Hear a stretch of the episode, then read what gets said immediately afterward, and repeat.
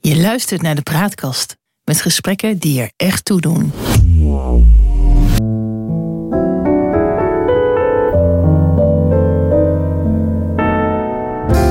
Welkom bij de Praatkast.nl. Dit is een aflevering van het Geheugenpaleis. Mijn naam is John Knerim en samen met Han van der Horst maken we deze podcast. De geschiedenis herhaalt zich nooit, maar rijmen, dat doet hij vaak wel. En dat gegeven gebruiken we in het Geheugenpaleis om dieper in te gaan op de actualiteit. Zo gaan we aan de waan van de dag voorbij en bereiken we de kern van het nieuws. En we scheppen orde in de maalstroom van berichten die het zicht op de grote lijn belemmeren. We ontdekken wat werkelijk belangrijk is. En tussen beide blijkt dat de werkelijkheid vaak genoeg elke fantasie te boven gaat. Han, de armoedegrens in Nederland ligt voor een gezin met twee kinderen zo net boven de 2000 euro per maand. En voor een alleenstaande is dat ongeveer de helft. Zou jij daarvan rond kunnen komen? Dat ligt natuurlijk eh, aan mijn vaste lasten, want die bepalen of je rond kunt komen. Maar ik denk dat Ja. ik uh, om een beetje redelijk uh, mijn natje en Ja. mijn droogje te hebben, toch minimaal 100 euro per week nodig zou hebben. En dan schiet er ook Uh, nog wel ja. iets op over om ze nu en dan een pak te kopen. En dat kunnen die mensen die echt in, eh, onder de armoedegrens eh, leven, eh, die kunnen dat niet. Eh, hoeveel mensen leven er ongeveer in Nederland eh zo'n beetje onder die, eh, ja, onder die lage inkomensgrens Nou, of de het wordt op het armoedegrens? moment eh, geschat op 5 tot eh, 7 procent. Maar het is eh, natuurlijk niet, eh, niet echt heel erg eh, duidelijk eh, te meten. Het, is ongeveer een miljoen mensen zo. ja. Er zijn ook wel eens schattingen van, van anderhalf miljoen. Dat is natuurlijk Ja, op een bevolking van 17 miljoen. heel veel. ja, of niet zoveel, kan je ook zeggen. In een land als Ja. Bangladesh bijvoorbeeld zit 70% op of onder de armoedegrens. En dat zijn heel andere getallen. En dat is ook een heel andere armoedegrens. Eh, Maar toch zijn dat eh, geen goede vergelijkingen met eh, ontwikkelingslanden. Eh, waarom niet Omdat dan? die landen eh, als geheel een veel lager nationaal inkomen hebben dan, eh, dan wij Ja. hier in Nederland. Dus wij kunnen het ons Ja. veroorloven er andere standaarden op na te houden op het gebied van, van armoede. En het is wel duidelijk geworden dat mensen met weinig geld bijvoorbeeld niet gezond kunnen leven, omdat ze daar het geld niet voor Ja. hebben. Hey, en, en wat voor soort mensen zijn dat dan die in armoede leven? Kunnen we dat ook nog nader duiden? Dat is, eh, vind ik, altijd eh, heel moeilijk te zeggen. Het is wel zo dat van de uitkeringsgerechtigden de helft van, eh, van buitenlandse afkomst is. Ja. Er zijn nogal wat oude mensen bij die alleen maar AOW hebben en een heel klein pensioentje. En het aantal werkende armen groeit omdat eh, de lonen in Nederland voor ongeschoold werk in het algemeen heel laag zijn. Ja, en dat zie je dan ook vaak gebeuren door mensen met een eh, migrantenachtergrond. dus dan zou je kunnen zeggen dat het vooral migranten treft in grote, eh, grote lijnen. En de armoede zit denk ik ook vooral in grote steden als Amsterdam, Rotterdam, Den Haag. Misschien in Groningen en, en stukken in, in, in Limburg. Kan je dat daar iets over kunnen, zeggen? maar ik denk dat eh, Ja. als je gaat kijken naar provincies waar het slecht gaat, economisch al lang, bijvoorbeeld Oost-Groningen Ja. of Zuid-Limburg, dat je daar ook eh, op, platte, op het platteland en in dorpen veel eh, armoede aantreft. Denk maar eens aan eh, Oude Ja. Pekela.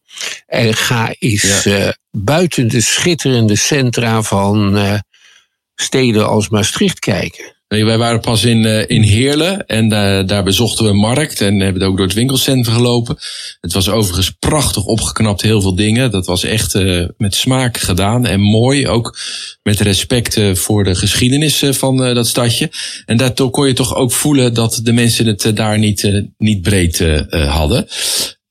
Wat ook wel erg is, is dat uit cijfers blijkt dat ongeveer 10% van de kinderen in armoede opgroeit. Dat is toch ook wel Ja, schrijnend. en dat is ook een schandaal voor een rijk land eh, als het onze. Zoals het ook een schandaal is dat een aantal scholen, bijvoorbeeld eh, in de gemeente Zaanstad, maar ook in Rotterdam, schoolvoeding hebben ingevoerd. Kinderen krijgen op school Ja. een ontbijt, omdat er thuis niks overschiet om ze behoorlijk te voeden. En rond 1900 eiste de Bond van Nederlandse Onderwijzers bij de overheid de invoering van schoolvoeding en trouwens ook schoolkleding. En dat ging dan nooit door, omdat je de ouders dan moest helpen en het niet via de school moest doen. Daardoor werd eh, de autonomie van het gezin aangetast. En je ziet nu vaak dezelfde argumenten gebruikt worden om die schoolvoeding tegen te houden. Je zou kunnen zeggen dat dat een liberaal uitgangspunt is. Dat, dat, uh, dat, dat mensen maar voor zichzelf moeten zorgen. Ja, dat ligt eraan wat voor een soort liberalisme je aanhangt. Hè. Er is ook een liberalisme die zegt iedereen moet gelijke kansen en mogelijkheden krijgen. En dat liberalisme heeft in Nederland ook een hele oude traditie. Een van de grote helden van dat liberalisme uh, was mijn held uh, Willem Treup. Je hebt hem al vaak genoemd in onze podcast. Ja. Uh, ja. Uh, zulke liberalen hebben ook vaak de vorming van vakbonden ondersteund, omdat ze collectieve onderhandelingen tussen werkgevers en werknemers een heel goed idee vonden. Armoede, want dat is waar we het over hebben. We hebben daar misschien allemaal wel een, een beeld bij van wat dat zou kunnen zijn. Maar daar is vast ook door geleerden over nagedacht hoe je, hoe je dat zou moeten formuleren, wat ja, armoede is. Er zijn allerlei economische definities voor. En dat gaat dan over een bepaald eh, minimuminkomen. Maar je kunt ook kijken naar gezondheid, naar kansen op de arbeidsmarkt, naar uh, kansen op behoorlijk uh, onderwijs. Maar wat belangrijker is, is de manier waarop je tegen armoede aankijkt. We zijn nu een minuut of vijf, denk ik, over armoede inmiddels aan het praten. En op de achtergrond zingt mee dat het een schande is en eigenlijk niet voor zou moeten komen. En dat is een betrekkelijk moderne gedachte. Die is maar een eeuw of twee oud. Dat armoede een maatschappelijk probleem is dat je moet oplossen en dat je het ook kunt oplossen. Wat je dus eigenlijk zegt is dat wij pas de laatste twee eeuwen dat als moreel eigenlijk verwerpelijk zien. Dat we dat eigenlijk niet accepteren met elkaar. Maar in die tijd daarvoor werd dat helemaal niet ter discussie gesteld. Dan was je gewoon arm. Maar had je nou eenmaal, en eh, dat was uh, een, een, normale situatie en uh, een gevolg van de zondeval en van het feit dat de wereld onvolmaakt was. En armen hadden ook een functie, want als je rijk was, kon je dan barmhartigheid tonen aan die armen. Uh, probeer mij dat eens uit te leggen. nou, je komt een arme tegen die lijdt gebrek en die geef je dan een aalmoes. En dat vindt God een goed oh, ja. idee en dat helpt jou om in de hemel te komen. Daarom zie je dat in de Nederlanden rijken vaak enorm veel nalaten in hun testamenten aan, uh, aan armbesturen. Oh, ze willen een plaatsje vooraan. Ja, of ze richten een, uh, hofje in waar armlastige bejaarden ja. um, op kosten van het fonds uh, tot hun dood kunnen blijven en dan een nette begrafenis krijgen. En die hofjes ja, zijn nu allemaal al... monumenten en de woningjes worden voor heel duur geld verkocht. Um, wat je de ten dagen ook nog wel uh, steeds hebt. Dat zijn van die benefietachtige dingen. Dan, gaan, dan vreten mensen zich een avond vol en kijken ergens uh, naar een of andere artiest. En dan met wat geld dat er nog overblijft, gaan we dan ja, een of andere noodruftig uh, fonds helpen. Dat is een beetje wat je beschrijft ja, dat, hier. Dat, dat is ook zo. Um, ik, ik begrijp eigenlijk uit de cijfers dat het vanaf 2013 de armoede uh, echt gedaald is in Nederland. Die is dan nu weer aan het toenemen. Zijn er periodes geweest in de Nederlandse geschiedenis waarin er echt sprake was van een toenemende of van een hele grote armoede? Ik kan me bijvoorbeeld voorstellen na de Tweede Wereldoorlog. Maar zijn er nog andere periodes geweest? Um, de Franse tijd, het laatste kwart van de 18e eeuw en de eerste helft van de 19e eeuw. Toen heerste er in Nederland massaal pauperisme. En in de jaren 40 van de 19e eeuw moest 40% van de Amsterdamse bevolking gebruik maken van de soepkeukens die de armenzorg overal had ingericht. In de Gouden 40 eeuw. 40 40 In de Gouden eeuw die uh, was er in de republiek voor gewone mensen en voor ongeschoolden yeah. heel veel werk. Iedereen had wel te eten, of althans 80 tot 90 procent. Dat was het meest welvarende gebied ook voor gewone mensen van heel Europa. Maar in de 18e eeuw zijn de elites steeds meer overgestapt op bankzaken doen en geldhandel. En daardoor raakten de ambachten in verval. Kwam er enorme Ja, ja. werkloosheid. Liepen alle steden min of meer leeg.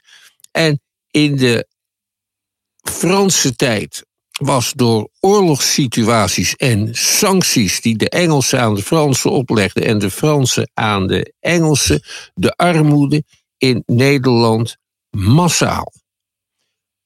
Dus dat had eigenlijk twee oorzaken wat je zegt. Enerzijds trok men zich terug uit zeg maar, de manier waarop we in de Gouden Eeuw werkten. Met, met handel, ja, het, het leegstelen van koloniën kan je ook zeggen. Eh, en, en, en nou ja, de, de verworvenheden van eh, eh, zeg maar de Gouden Eeuw. En die zorgden ervoor dat er een hele bloeiende industrie was. Maar in de loop van de tijd zijn mensen zich daaruit gaan terugtrekken, de rijken. En die zijn meer in geld gaan handelen. Zou je dat ook kunnen vergelijken met de situatie zoals In die nu is? sommige opzichten wel. Nederland was het financiële centrum van Europa. Nederlanders hadden 20% van de aandelen van de Bank of England in de handen, bijvoorbeeld. Maar een bank heeft niet zoveel personeel nodig. Dus er ontstond een enorme werkloosheid. Eh, niet Ja. alleen dat, eh, ook heel veel ambachtelijke kennis ging verloren. Er waren toch heel veel Duitse gastarbeiders in Nederland in de laatste kwart van de 18e en in de eerste helft van de 19e eeuw, omdat zij vakkennis bezaten die je in Nederland onder Nederlanders niet kon vinden. Ja, ja dus dan, dan stierf zeg maar de, het, het, het, het ambachtschap uit en daarmee ook eh, de werkgelegenheid. Dat is natuurlijk wel heel anders dan nu, want we hebben, we hebben natuurlijk eh, een grote eh, werkgelegenheid op dit moment. Het is nauwelijks werkeloosheid. Wat zijn andere aspecten? Je eens nog iets ja, zeggen? nog één dingetje, ehm, dat Ja. ook wat ook een teken is van grote armoede. Qua commerciële seks was Amsterdam rond 1820 eh, het Bangkok van Europa. En het nachthuis van Toontje was Europa's verreweg beroemdste bordeel. Op de Nes. Ja. Oké, daar, daar, daar ontleent de Amsterdamse geschiedenis van de Red Light District aan. eh. ja. Ja, nou, er zullen veel eh, venerische ziektes geweest eh, zijn daar, eh, lijkt me. Onvoorstelbaar. Ja, ik kan, kan me dat wel. nou, laat ik me zo zeggen, ik probeer me er maar niks bij voor te stellen. Hey, en dan ook nog eens een keer door zeg maar, de bezetting van de Fransen. En, de, en, en ja, daardoor kwam de economie nog Ja, verder tot Dat stilstand. heeft eh, de grootste bijdrage geleverd aan dat pauperisme. Ja. En dat, dat leidde ertoe dat mensen die wel geld hadden en de gemeentebesturen toch soepkeukens Ja, gingen ze gingen maken. soepkeukens maken en dat was al een oude traditie, want in de middeleeuwen kende elke stad de heilige geestmeesteren en die gaven aalmoezen aan de armen en hielden ze in leven en verzorgden brooduitdelingen. En dat werd voortgezet, maar daar kwam nog een idee bij. En het idee was dat je armen aan het werk moest zetten. Want daardoor werk kon je je ontworstelen aan de armoede. En Ja. zo kwamen er werkhuizen tot stand en moest je ook wat terugdoen voor de soep die je kreeg. Dat was rond 1800 de Rumfortse soep. Uitgevonden De wat voor soep? Uitgevonden door een Beierse kolonel, kolonel Rumfort. Die had een manier om de armen op een goedkope wijze een volle maag te bezorgen. Ik ben wel naar, benieuwd naar dat recept van die Rumfortse soep. 80 pond gort. 24 pond erwten. 280 Mm. pond aardappelen. 70 pond brood. 22 pond zout. 26 liter wijnazijn of uit beenderen getrokken bouillon. En Ja. 520 liter water. Dat zijn de ingrediënten voor die soep. En ik heb dat gevonden op een eh, website van eh, iemand die verstand heeft van koken in het verleden. Die heeft die soep ook gemaakt en hij zei dat het Ja. best goed smaakte. Nou, daarmee werd zo'n bevolking dan min of meer in leven gehouden. En het interessante is, Ja. tegenwoordig hoor je in de kroeg altijd mooie verhalen over eh, mensen die hun leven lang niet gewerkt hebben en altijd hebben geprofiteerd van de sociale voorzieningen. En zulke verhalen had je in die tijd ook. En in de sociëteit vertelde men dan dat het armbestuur het zilveren jubileum van een klant met een feestje had gevierd. Nee, dat is een grapje wat je nu maakt. Gebeurde Nee, dat echt? niet, maar dat was, dat was zo'n Nee. eh, urban eh, legend, zoals ze dat noemen. Zoals je Ja, die nu ja. ook hebt. Want ik heb zo van, eh, mijn neef... mijn neef is naar de sociale dienst geweest en hij is een blanke en hij komt nergens voor in aanmerking. En ze vertelde dat het daarom was. Oh, Dat ja, soort ja. verhalen zijn dat. Ja, precies, dat soort dingetjes. Nou goed, die Rumfortse soep, dat is een soort eh, ja, eh, eh, bedeling dan. GK van Hogendorp die beval het sterk aan. Die beval bovendien sterk aan om armen alleen maar te steunen als ze hun kinderen naar school stuurden. En het aardige is, als je nu in Brazilië gaat kijken, daar heeft de linkse president Lula een soort bijstand ingevoerd. Voorwaarden, Ja. stuur je kinderen naar school. Ja. Nou ja, op zichzelf toch een goede gedachte, want een goed onderwijs, eh, daarmee begint Ja. toch alles. Dus Er is in die tijd was er ook een Franse advocaat en politicus, die heette Louis Blanc. En die zei: arbeid is een recht. Mensen hebben recht op arbeid, anders kunnen ze niet op een fatsoenlijke manier hun brood verdienen. En de Ja. gedachte tot dan toe was dat arbeid een straf was door God opgelegd aan Adam en Eva na de zondeval. Dus hij heeft eigenlijk eh, afgedwongen dat we een andere perceptie Ja. kregen op, op wat die, arbeid was. En die perceptie heeft het ook gewonnen. Want wij vinden nog steeds, Ja. onze regering hoort ervoor te zorgen dat er volledige werkgelegenheid is. En Ja. dat er geen armen zijn. ja. Dat Ja. komt allemaal uit Ja. die manier van denken voort. Wat je in Amerika ziet, eh, is dat daar heel veel mensen op straat eh, eh, wonen. We hebben het daar een, podcast geleden, een aantal podcasts geleden over gehad. Maar je ziet ook mensen die vaak twee banen hebben. Of soms nog tot op hele hoge leeftijd werken. Dat is toch ook een vorm van Dat armoede? is ook zo. En je ziet dat in Nederland ook gebeuren. Mensen met een aantal kleine Ja. baantjes. Of mensen die moeten blijven werken. omdat er van een AOW eigenlijk niet meer te leven valt. En zeker niet met de Ja. huidige energieprijzen. Want als we nou eens even door eh, eh, redeneren, dan, dan heb je een, eh, een, een bijstandsuitkering is voor een gezin met twee kinderen, ligt zo net boven de 2000 euro per maand. Maar een, een modaal inkomen ligt zo rond de 2500 euro netto per Ja, maand. maar Dat vind ik helemaal niet zo ver daarvan af Maar, liggen. dit- maar dan zijn er ook alle, alle toeslagen bij, eh, bij opgeteld. En als je Ja. die toeslagen er dan weer aftrekt en andere vaste lasten, zoals het gedeelte Ja. van de huur dat je toch nog zelf moet betalen en van de verwarming, dan blijft er niet veel over. En Nee. 500 euro is dan een groot verschil. Bovendien, dan zien we ook weer dat eh, Nederlanders met een modaal inkomen best een bescheiden, een bescheiden bedrag hebben om maandelijks te besteden en zonder spaargeld Ja. nauwelijks buffers. En dan hebben we het over onze Ja. onderwijzers, we hebben het over onze verplegers Wauw. en we hebben het Ja. over onze politieagenten. Ja, nou, ik wil toch wel t- dat beeld van die onderwijzers wel even, even wat nuanceren.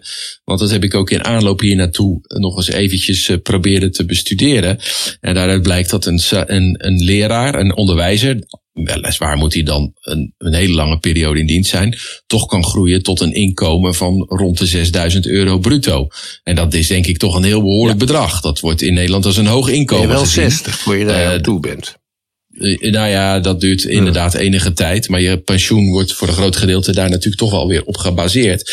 Ehm, maar je kan je ook voorstellen dat als je rond moet komen van 2500 euro in de maand. en van zeg maar 150 euro gas, water en licht naar 300 of 400 euro gaat. dat dat toch bedragen zijn die erin hakken, die je niet zomaar kan Nee, ophoesten. precies. En eh, als dat zou moeten, dan eh, on- ontstaat er ook chaos in Nederland. En misschien zelfs opstand en geweld. Opstand. En dat Ja. probeert men nu te voorkomen door eh, een redelijke hoeveelheid energie tegen betaalbare prijzen beschikbaar te stellen. Hoewel die nog steeds veel hoger zijn dan waar we aan gewend Ja. waren in 2019.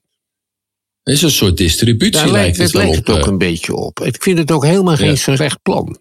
Dat is, zou je kunnen zeggen dat dat toch een van de verworvenheden is van wat we dan de verzorgingsstaat noemen. Want als we het over armoede hebben, over de bedeling, over de Rumfortse soep, dan moet er toch ergens in de tijd een beweging zijn geweest dat we zeggen van ja, we moeten dat vanuit de staat regelen voor mensen die niet mee kunnen komen. Kan je daar iets over vertellen? kwart van de 19e eeuw in Nederland in 1870 is er bijvoorbeeld een invloedrijk comité opgericht van gezeten burgers. Dat heet het Comité ter Bespreking van de Sociale Kwestie.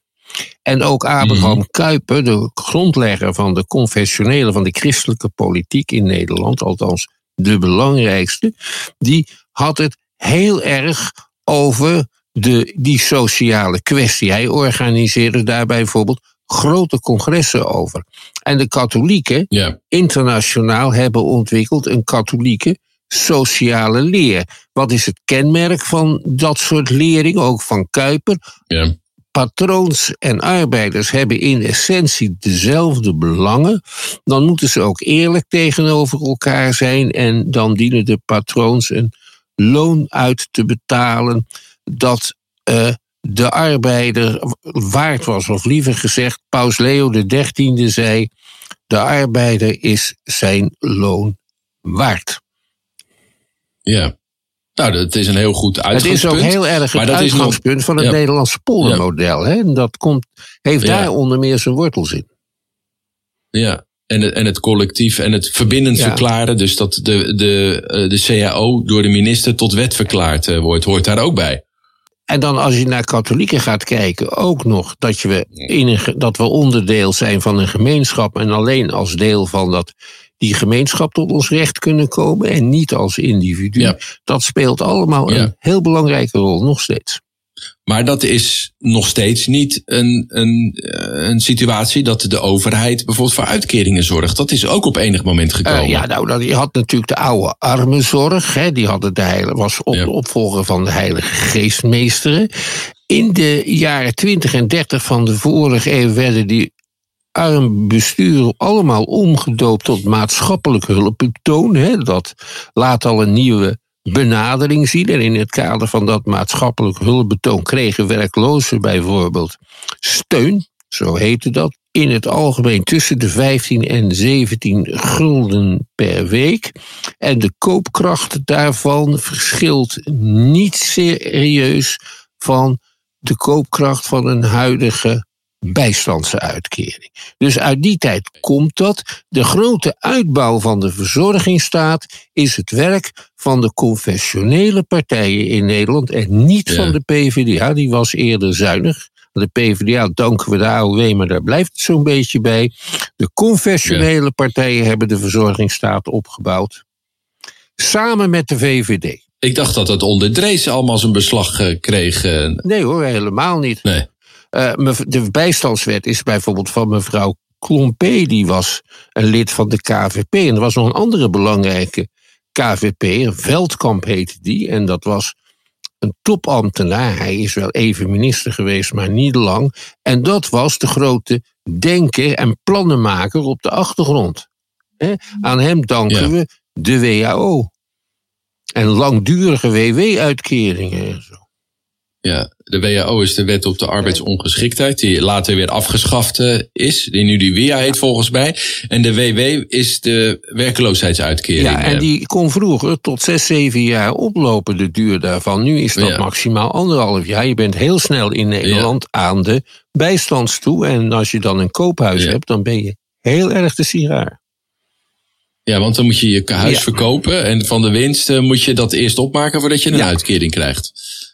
Ja. Is dat niet onredelijk dan? Dat is ook heel onredelijk. Maar Nederland is geen eh, verzorgingsstaat meer. Hè. Er zijn nog wel wat regelingen. En er is een mm. zeer grote bureaucratie die je op je huid zit als je ze nodig hebt. Maar, maar van ruimhartige regelingen zoals die in de jaren 90 en 80 van de vorige eeuw nog bestonden, is al lang geen sprake meer. Daar hebben Balken en Rutte wel een eind aan gemaakt. Maar dat was toch uh, ook verschrikkelijk uit de hand gelopen in die tijd, dat of niet? valt nogal mee. Kijk, van de WHO kun je zeggen, die is misbruikt omdat Lubbers toestond, minister Lubbers, dat arbeiders, vakmensen die ontslagen werden in de jaren tachtig massaal, dat die dan de WHO ingesluist werden. Want dan hadden ze een redelijke uitkering en dan had je verder geen last meer van ze. En ze stonden, dat was heel belangrijk, niet meer op de werkloosheidsstatistieken. Ja, dat, dat is inderdaad een, soort, een misbruik. Ja. Maar dat misbruik kan je, dat is erg belangrijk, alleen maar de werkgevers aanwrijven en de regeringen die toen aan de macht waren. Ja. Maar goed, de verzorging staat door Marga Klompé in de stijgers gezet. Ja. En in de jaren daarna ja, eigenlijk steeds verder versoberd, zou je Ja. kunnen zeggen. Uitgehold, kan je ook zeggen. Ja, en, en dat gaat nog steeds door. Eh, ja, hoewel nu eh, er misschien een kentering komt, Ja, omdat er zoveel economische problemen dreigen als je de situatie aan de markt overlaat. legt, is verband tussen die twee? Eh, nou, we hebben eh, een paar decennia van, eh, van groot vertrouwen in de gunstige werking van markten achter de rug. Dat Ja. blijkt in de praktijk tegen te vallen. En je ziet dan ook dat de, het denken daarover snel aan het veranderen is. Juist ook in de kringen waar je dat niet zou verwachten. Ja, en, maar in, in hoeverre leidde dat dan tot grotere armoede? op het moment dat je alles aan de markt overlaat, eh, zie Ja. je dat eh, een aantal partijen zo sterk worden dat ze eh, een zo groot deel van de koek in de wacht kunnen slepen. eh, dat het systeem niet eerlijk meer is. Dat de gedachte die erachter zit, iedereen die zijn best doet, kan iets bereiken voor zichzelf en zijn gezin, dat die, dat, dat niet meer waar is. Hè? En Ja. in die situatie zijn wij op het moment in Nederland en daarom zijn er een aantal hervormingen nodig. Zoals? Ehm, in het onderwijs eh, dat je beoordeeld wordt naar je daadwerkelijke talenten en niet naar je afkomst of niet naar de buurt waar je uit voortkomt, wat nog Ja. steeds eh, Ja. het geval is. Een behoorlijk systeem van studiebeurzen. Een eh, stelsel van sociale voorzieningen die jou niet dwingt om bijvoorbeeld na anderhalf jaar je huis te verkopen. Dat wil helemaal niet zeggen eh, dat je dan eindeloos mensen eh, grote bedragen zou moeten toeschuiven. Maar als we gaan kijken naar onze oosterburen in Duitsland, daar bestaat een vorm van bijstand die jouw woonlasten altijd volledig compenseert en daar een leefgeld bovenop doet. Dat leefgeld is overigens heel bescheiden. Ja. Dus die nemen de huur als uitgangspunt voor je uitkering. Ja, dat is Ja. heel verstandig. Dat, dat voorkomt een hoop ontwrichting. Eh, de regering heeft natuurlijk aangekondigd in de troonrede om eh, een aantal eh, maatregelen te gaan nemen. Dus je zou kunnen zeggen dat we op een keerpunt in de geschiedenis weer zitten. Dat weten we nog niet, maar het zou wel het geval kunnen zijn. Ja. Nou, dat gaan we zien eh, de komende tijd. Ik had je nog heel veel willen vragen over de oude Romeinen en de Grieken. Ja. En eh, over de opkomst van het christendom. Maar daar hebben we geen tijd meer voor. Eén ding wil ik toch nog even Ja. zeggen. Eén ding, één iemand wil ik noemen, en dat is Solon van Athene. Dan hebben Ja. we het over 2700 jaar geleden. Zoveel Atheners zaten in de schuld dat hij, toen hij eh, de alle macht kreeg om de sociale problemen op te lossen, gewoon alle schulden heeft geschrapt. Die hoeven Ja. je niet meer, betaald, niet meer betaald te worden. Dat was een opluchting voor heel veel Atheners, want als je in die tijd je schulden niet kon betalen, kwam je met de hele familie op de slavenmarkt terecht. En dat Nou. loste Solon in één keer op en jammer voor de schuldeisers. Ja. En, Zit eh, overigens ook in de oude Joodse wet. Hè? Eens in de zeven jaar worden alle schulden geschrapt. Oké, dus dat is ook weer iets wat, wat in het verleden al heel veel. Dit eh, is ook voorkwam. 25, 3000 jaar geleden. Ja, misschien een idee om dat op Griekenland toe te passen en op Italië. hè, nou, bijvoorbeeld. stel- zou je het in onze samenleving kunnen toepassen? Dat je na zoveel tijd alle schulden schrapt en tegen elkaar wegscheept. En we beginnen allemaal met een schone lei. Ja, dat zou een, eh, een mooi gedachte-experiment eh, zijn. Ja. Laten we daar de komende week eens over, eh, over doordenken. We, mo- we moeten het hierbij laten, deze aflevering van het Geheugenpaleis. We maken dit in samenwerking met de Praatkast. En daar zijn ook de uitzendingen te vinden. www.praatkast.nl Je kunt je ook abonneren op onze podcast in je favoriete podcast app. Dan krijg je automatisch een bericht wanneer een nieuwe aflevering online komt. En vertel je vrienden over ons en laat vooral een beoordeling achter, zodat we nog beter gevonden worden. Stuur een bericht naar info.praatkast.nl als je ons wilt mailen.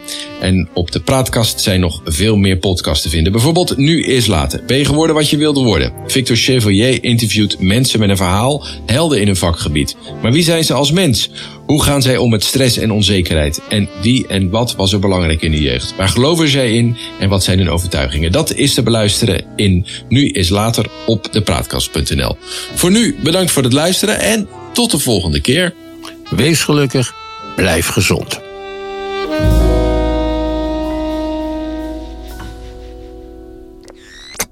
De Praatkast.